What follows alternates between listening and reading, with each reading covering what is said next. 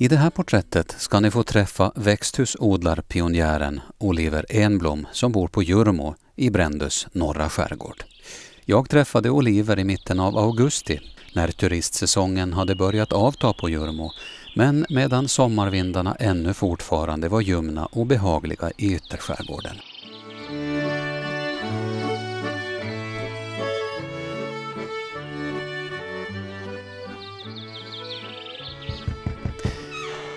När jag knackar på i stugan sitter Oliver i sin gungstol i köket på Erkas Västerstö. Fast på Erkas Västerstö har Oliver inte alltid bott. Vi flyttade hit 41. Min morfar dog då, 40, på hösten. Och han hade ju djuren han så och vi bodde ju i den där andra stugan där på backen förut som heter Enbloms. Som vi, morsan och, och farsan byggde då. Jag är uppfostrad på västra sidan av Jurmo som heter Söderviken. Jag håller på att flytta på, på Jurmo flera, flera ställen. Och då tog de stugan därifrån och, och byggde den här. Den här stugan som du är i nu byggdes den är ju då på 40-talet? Den här är sen 1898 är den här byggd. Så berättar Oliver Enblom som än idag bor kvar hemma och klarar sig helt själv trots att han har kraftigt nedsatt syn.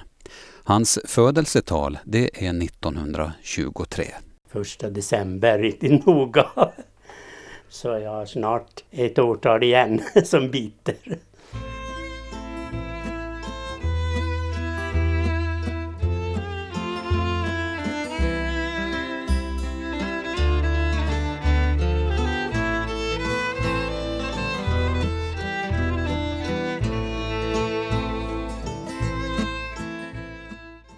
1923 var det år när Oliver kom till världen.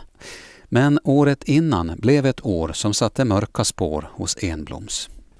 Ja, min morfar var ensam han då från, från 1922 dog tre från den här gården då. Min mormor och min morbror och min bror också. Han som, han som var ett år äldre än jag.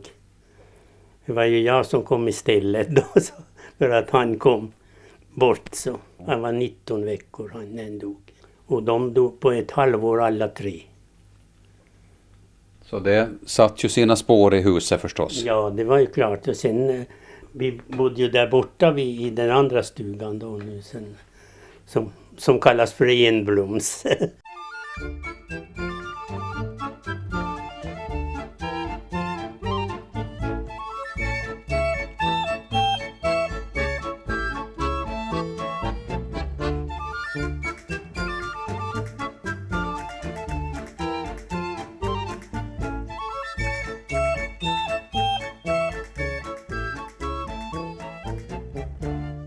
Likt så många andra familjer i skärgården på den här tiden var det självhushållning som gällde med en två, tre kor i ladugården plus lite jordbruk och fiske.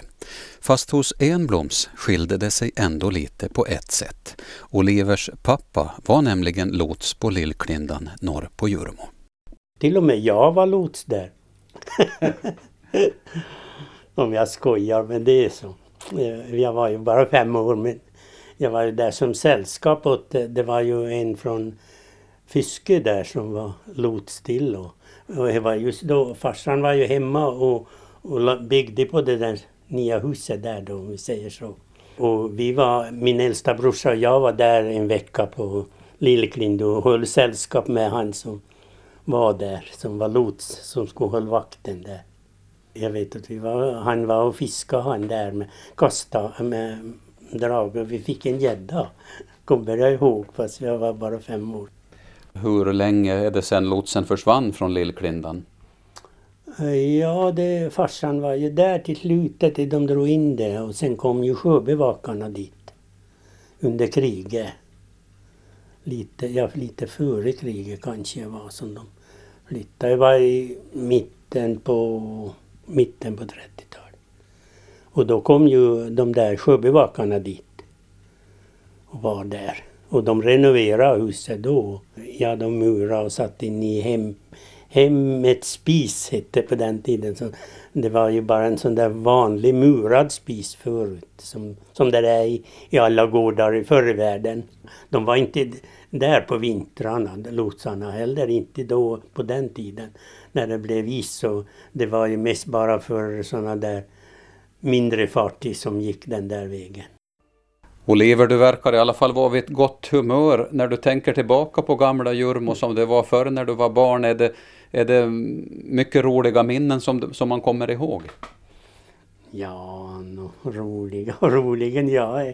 Det är hur man tar det, det där. Så att vi sprang omkring mycket ungar på den tiden som vi var. Fanns det mycket barn på Jurmo då? Ja, ja visst var det det. Det vi, var ju, vi var ju över 20 i skolan. Ja, då, och det var en skola som kanske till och med var Brändös första skola? Till och med Jurmos första skola. Det var bara Jurmoborna som ägde skolan. Brändeborna hade inga att göra med det. Det var eh, Jurmos privata skola mm. som byggdes 1901. 1900 och 1901 var det. För det var ju flera som var från eh, Brände här och gick i skola här. Jag bodde ju här hos, låg där uppe i de där hög och lågsängarna som vi hade inne på den tiden. För eh, ja, jag ska inte säga allt som jag vet. Hur många år i skola har du gått Oliver? Ja, fem, ja, fyra år de där vanliga åren och sen gick jag ju i småbarnsskola som det hette de åren som, som man skulle gå. Två, tre år eller vad det var. Jag tror att jag gick ett år tidigare än som eh, på ingen klass som vi sa då. Att jag bara gick med där för att jag skulle ja, lära mig, vill vara där. Och så var det väl eh, så visste de väl vad jag, var, var jag var när jag var i skolan. Jag sprang kring hela holmen. När du tänker tillbaks på barndomen och Jurmo på 20 och 30-talet så det var ju ändå ett hårt och strävsamt liv för många i alla fall som jo, hade, fick sin utkomst från havet. Ja, jo det är klart att de måste vara ju tvungna till Men vi behövde ju inte riktigt så medan vi var så, så unga i alla fall så behövde vi jobba. Vi gick och jobbade här hos morfar. För han var ju mest ensam. Han hade någon tjänarinna ibland men det var inte hela tiden. Så att vi gick och hjälpte han med sådd och, skörd. Vi var med och tröska för det skulle ju vara många personer när man tröska. Och han sådde själv och han, han levde ju till eh, han var 79 år. Han.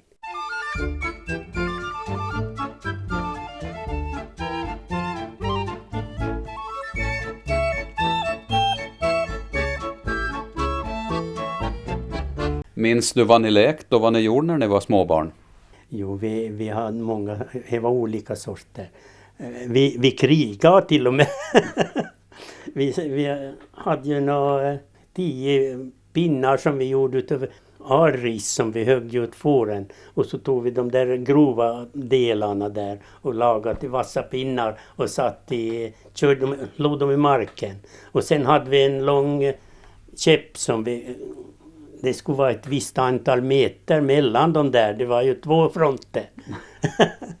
och så slog vi den där och, och, och skulle se hur många man, man fick ner från var sida. När han ena fick slut så eh, det var väl eh, de som vann. Som alla stupa. ja, ja, så gick det. Det var en sort. Men vi hade ju många olika sorter också sen som i skolan hade vi ju där på landsvägen. Vi spelade alltid på landsvägen med ett sånt här trä som var så här.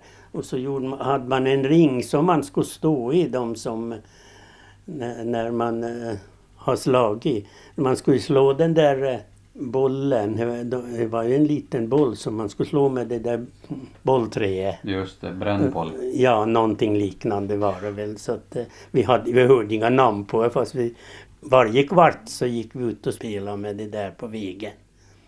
Och så var det en, eh, en kung där på mitten som, eh, som skulle ta emot bollen att den inte skulle få fara längre bort.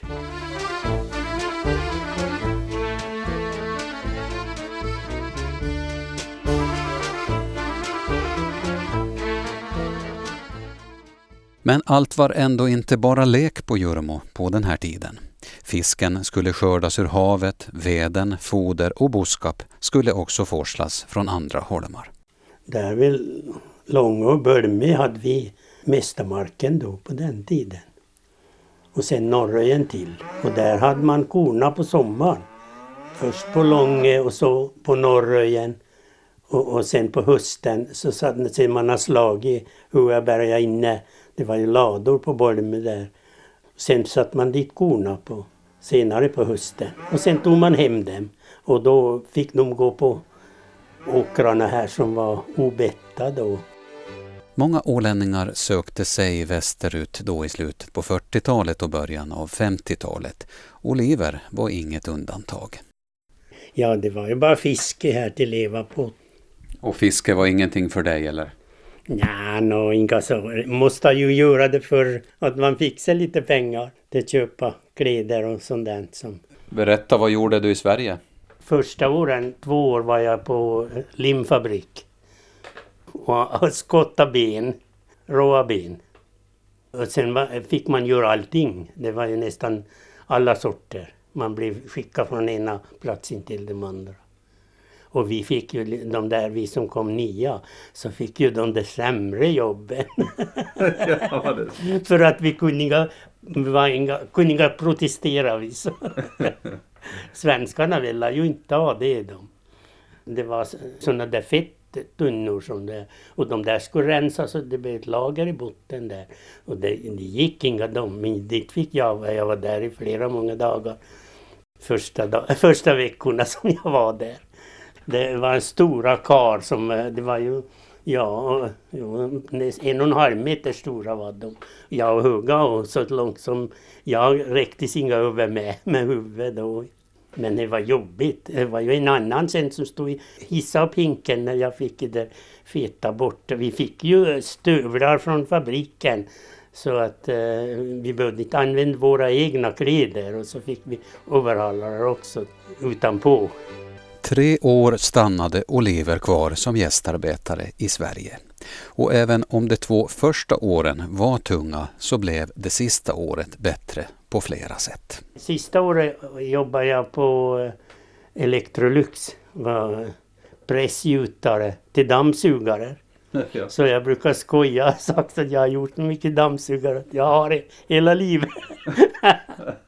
ja, ja. Det var ju mycket bättre betalt där. Jag fick ju jobba på ackord där. Men jag for hem en vecka för midsommar. Sen var jag inte i Stockholm på tio år. Vi var ju tolv på det där Sandvik Slim från Jurmo.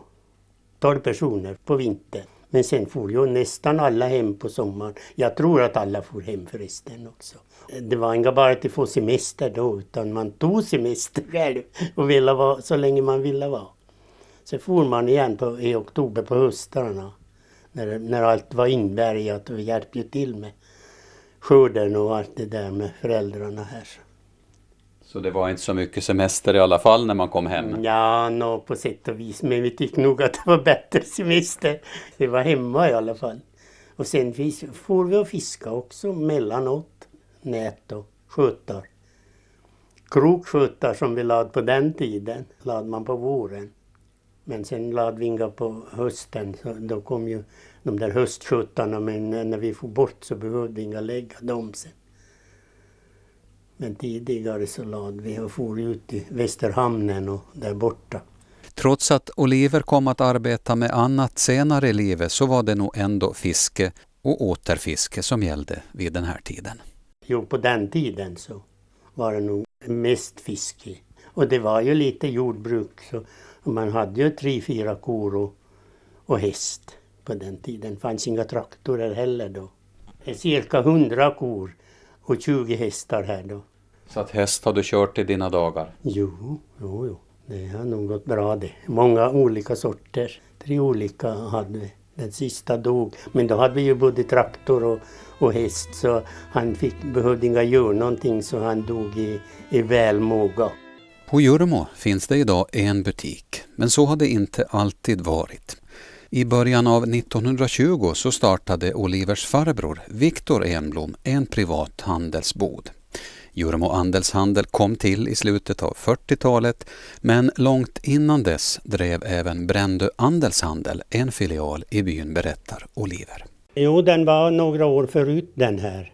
Så den eh, var ju i flera många gårdar här. Du var vid Östers Västers, du Brände Andelshandel var först.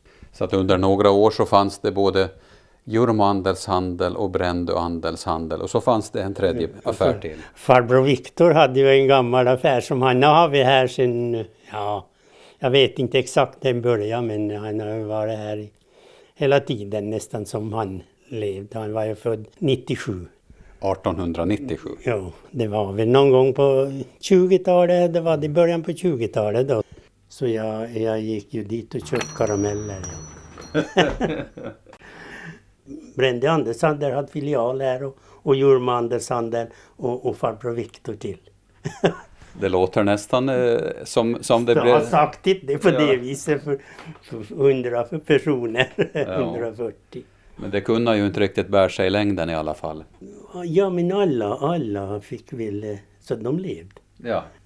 Men de hade inga så höga löner. Vad drev han för sorts affär då? Vad fanns i butiken? Ja, men han hade ju det där vanliga som vi skulle ha. Inga, inga sådana där eh, mat som skulle gå för dagen utan det var mest det gamla som mjöl och gryn och socker och salt och, kaffe och sådana där grejer. Sen lite småsaker utav alla slag.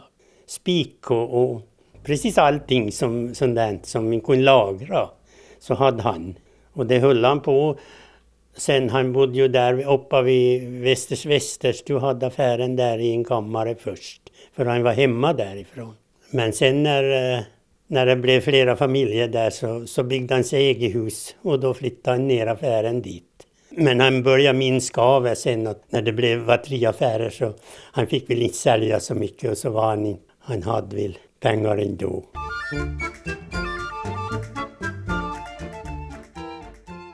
Vi hör Oliver berätta om butikerna på Jurmo som var utplacerade i många olika gårdar, vilket var vanligt på den här tiden. Men lite svårt är det för en utomstående ändå att hålla reda på de olika gårdsnamnen på Jurmo. För oss är det bra. Det finns Östers, Österstö och Östers. Västerstö. Och nu är vi i Erkos. Västerstö. Erkos Västerstö. Ja, och sen kommer Erkos Norrstö också. Just det, jo. Och sen kommer Masiaxos. De är ju tre de. Och så är det Masiaxos Västerstu. Och de också har delade nu, så de har det i två delar. Men de som är väldigt lika varandra i, i namnen så är i alla fall Östers, Österstu och Östers Västerstu. Och Västers Västerstu. Västers Västerstu och Västers Österstu har varit, men nu heter det Västers Österstu Korsberg, när sen de blivit utflyttade dit till Korsberg. Och det är inte så att ni har blandat bort det med, med namnen där? Nej, det är så vanligt så. Växthusodling kom senare i livet att bli Olivers huvudsyssla. Och liksom så många andra på Brändö kom också han att bli en av de allra första med att odla tomater i växthus på Åland. Det kom undan för undan hela tiden då. Det var några som var före mig också. I Åva var det ju flera och Brändö som hade tidigare. Men sen mitt växthus rasade annandagsjulsnatten på morgonen. När plogaren körde ner så var växthuset stod rätt och när han kom tillbaka så var det borta. Och när jag kom upp halv nio i tiden så tittade jag ut i fönstret och tittade jag så, så fanns det inga växthus. Jag hade ju precis framför sovfönstret.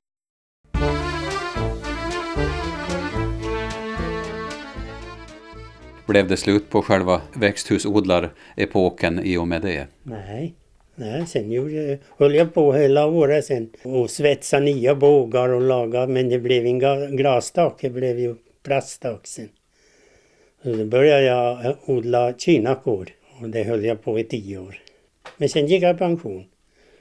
Men det var ju bra pris då den tiden så att eh, det var sista året så så var det lite dåligt pris men eh, jag fick så mycket större skörd så att jag kom nästan upp till samma.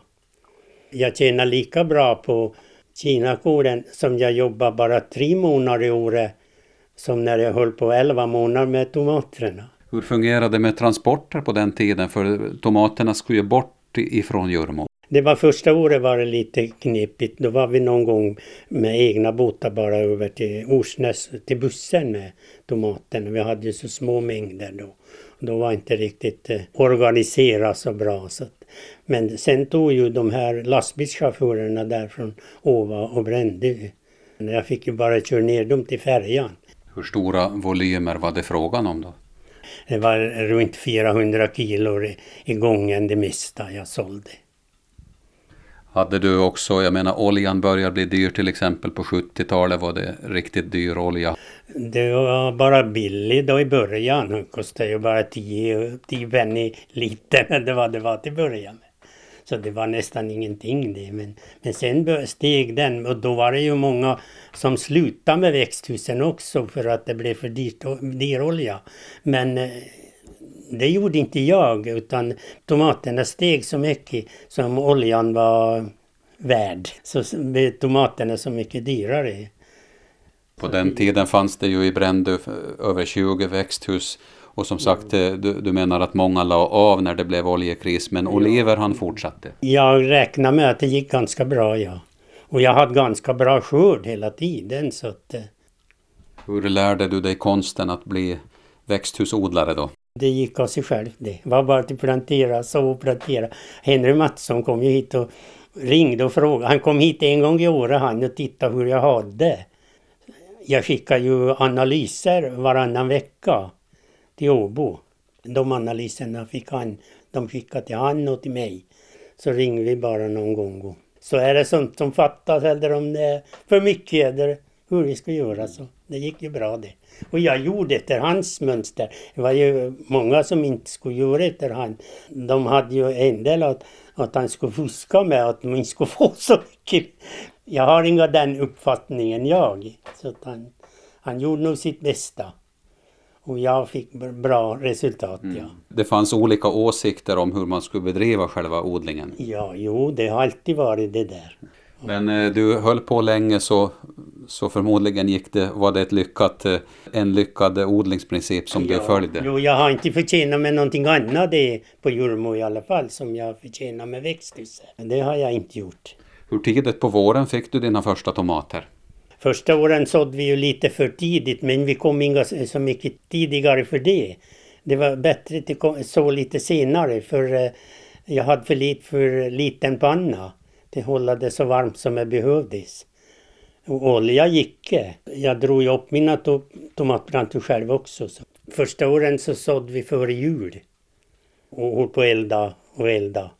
Det gick ju mycket bränsle åt det. Vi, ha, vi hade dem där inne i stugan när vi drog upp de första åren.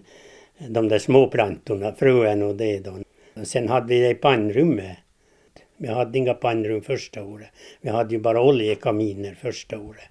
64 då blev det. Det var 63 som nyårskvällen blev färdigt glasat huset. Och sen sålde vi 64 första gången tomater med oljekaminer. Jag hade fyra sådana där stora oljekaminer som som höll, det höll det varmt hela tiden men vi sådde ju inte så tidigt heller då. Så, att så det var några läroår i början i alla fall? Ja, jo, jo. Men vi fick ju ganska bra med. Det växte ju nästan självt verkade som. Det blev ju så stora fina tomater. Så. 1963 byggde alltså Oliver sitt första växthus och växthusodling höll han på med fram till 1991 när han gick i pension. Men han har också varit duktig på att odla andra talanger som till exempel att snickra möbler och måla tavlor. Du ser det här på väggen. runt här tamburin. Här har du en tavla som hänger som du har målat 1981. Ja, jag har, jag har årtal på alla vad, när jag har gjort dem. Här hänger en som är från 79 med tre stycken skrattmåsor och så har vi lite skärgårdsmotiv och, och likaså. Är det Jurmo-motiv det här? Det här är ju från eh, inloppet i Fiskosviken. När började du måla tavlor? Jag har den första där borta. 75. 75, vi ska gå och se på den. Det hänger ganska många här i, i tamburen. Jo, lampan lyser men hon är så dålig. Den där eh, lilla där, som utan ramar. De andra har ramar allihop nästan. Och du har målat med oljefärg? Jag har använt bara oljefärg. Och sen har jag en här, så här är från Lillklindo, där jag var lots. Vi går vidare in i storstuga eller salen. Stugan kallar vi dem för. Här bodde man alltid året runt här. Jo. Låg både vinter och sommar för det mesta. Nåja, man låg ju i boden också en del och, och där i kamrarna också. Och här finns det, här hittar vi möbler som du har snickrat till själv. Hur kommer det sig att du blev möbelsnickare? Nåja, det var väl bara, vi hade ju slöjdkurs här då så kanske att det var 52, det var det. Var det. Vi hade ju smidarkurs och snickarkurs, ett varsitt år. När eh, Granskog var här och var lärare så det var han som ordnade hit. Snickaren det var ju Georg Nordqvist. Var skolan privat då ännu på? Nej, då var det kommun. Det var ju bara första åren som den var privat. Första åren så hade de ju bara gamla elever som var 12-15 år gamla och hade bara en, en dam som skulle vara lärare. Vi ska se på det här linneskåpet lite som du har lagat i. Ja, det här ser ut att vara i björk i alla fall. Jo, det är björk. Till och med masurbjörk kanske. Ja, dörrarna åtminstone ser ju det ut och sånt. Nästan som en IKEA-möbel det här. Ja, den är ju ganska bra, i bra skick nu så att jag tror inte att maskarna har ätit så mycket på den heller ännu. Med utdragbara lådor och i massivt trä så att sådär fina möbler köper man inte alla gånger idag i butiken. No, knappast. Men den kostar ju ingenting annat än arbete den här. Mm. ja, någon faneren måste man köpa förstås då. Så. Och det här är tillverkad på 50-talet då? Ja, jag var nog 52. Det krävdes en hel del verktyg i alla fall för att få till en sån här möbel? Jo, det var ju en del som gjorde, eh, köpt plankor och hyvla upp på men jag gjorde ju inte Jag, jag lagade utav de där färdiga skivorna. Ja, så det gick lite fortare det. Här har du ett eh, köksmöblemang, ett bord med fyra stolar. Är det här också tillverkat på gården? Ja, jo, det, det här gjorde jag nog i skolan, i Djurmoskolan där uppe i slöjdsalen då, som privat då, som när Holger Pettersson var lärare där så var vi där på kvällarna. Så då gjorde jag det här och sen gjorde jag en, en byrå till som jag har där i sovrummet. Men de där andra två stolarna där borta så länsstolar det var de nog kallade dem där då. Så de gjorde jag i slöjdkursen. Var det så att du fortsatt med slöjdarbetet sen när du började som växthusodlare och att du hade tid på vintern? Ja, nej, nej, det blev inga så mycket då.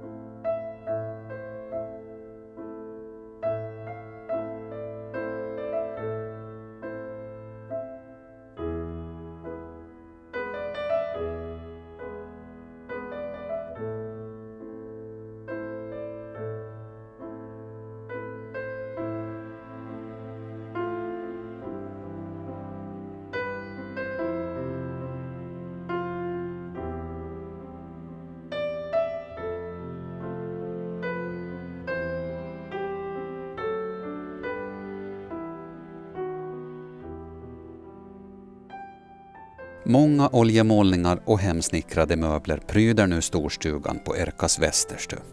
Och där bor Oliver också än idag, trots att han har en gravt nedsatt syn. Som min kikare bara sitter jag ser jag lite sådär. Så. Jag, ser nu, jag ser bara ditt ansikte så här runt lite nu. Så. Där jag, och bara vet hålla huvudet stilla så ser jag lite bättre. Mm går jag rör på så försvinner det några sekunder helt, nästan helt och hållet. Men här klarar du det helt själv eller? Eh, nu har jag ju gjort det ganska bra i alla fall. De har ju burit hit vatten åt mig. Jag har ju vatten i brunnen där borta men jag har inte behövt gå efter. Sista pojken där som bor i hustrun på landet brukar ju ta ett par burkar. Så klarar mig nästan en vecka med det. Som jag använder till kaffevatten och, och dricksvatten. Matvatten tar jag från vattenledningen. Men det är så mycket salt och, och järn i det där vattnet så att är det svårt att eh, få bra dricksvatten i Jurmo om man borrar mm, efter vatten? Det, det, är nog inga riktigt något bra dricksvatten. Det är de här som har bara för egen del så tar de inte så stora mängder så då har inte kommit så mycket salt. Det är många som har byggt egna brunnar nu och de har ju fått rätt så skapligt vatten efteråt. Men den här nu som byggdes där vid skolan då, det, det blev ju så stora mängder. Färjan tog ju åt i början med. Och, och vi tog till växthuset och då när det en gång tog, slog hål till sjövattnet så, så var det inga riktigt bra. Nu kommer lite den här mörkare tiden emot. Hur får du tiden till gå i, i stugan idag? Ja, men det går ju hur bra som helst. Jag har inte haft fem minuter längre tid än nu. Så det är ju alltid att göra någonting och allt går så sakta nu så hur är det med, med, du lyssnar mycket på radio, det vet jag. Ja. Hur är det med, med tidningar och, och, och TV? Ja, jag, jag tittar nog lite på alltihop, hela kvällarna på TV. Sex, sju tiden börjar jag. Det beror på lite när jag får middagen färdig så, så börjar jag titta på TV. Så sätter jag till, till halv elva åtminstone. Elva kan jag ta ibland. Det beror på lite vad för sorts programmet kommer på kvällen sen. Och på dagarna kanske det blir en och annan promenad längs Jurmos ja, vägar? Inga mycket. Jag går ju till, ner till affären och hämtar tidningen. Till, så blir det en kilometer i alla fall varje, varje dag som, som jag går och hämtar posten. Jag cyklar inga mera så att jag bara går. För jag behöver det till motion. Ja, perspektiv på Jurmos utveckling har ju onekligen Oliver. Fast någon riktig framtidsprognos vill han ändå inte riktigt ge. Det är svårt att säga för mig det. Det går lite upp och ner sådär med det där. Nu är det lite nya saker på gång med djurmoturismen och de här boskapen. Och... Jo, jo, hoppas att det fortsätter och, och går lite, att det blir lite bättre och att det kommer några mera personer hit som kan stanna här. Eh, huvudsaken det, det måste ju vara lite folk. Annars så går det som har gått för de andra holmarna som är tomma här i Brände. Men det verkar finnas gott om idéer i alla fall med de här yngre på Jurmo nu, att de har mycket ja, idéer. Ja, men eh, de har ett bättre liv och ett, ett, ett bättre och, och klarare utseende hur det, hur det ska vara och gå på det viset. Och, och och man mår bättre här än som i stan. För där är det ju aldrig ledigt där. Och man, när man slutar så ska man ju säkert på krogen en del. där. Men det behöver inte vi gå så ofta här i alla fall. Så det är lite sådär lite pinsamt nog hur det ska gå.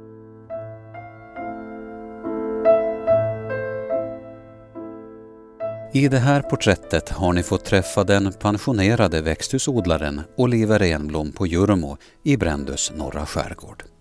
Musiken ni har hört var En sol på fönsterrutan med Eva Körnebo och Viskompaniet, Pekka och Ullas vals med Jussi Tarkanen och så hörde vi också Benny Anderssons orkester med Knasluvan, Anitas polska och så allra sist här Sång från andra våningen.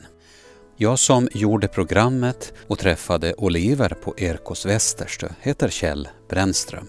Tack för att du har lyssnat.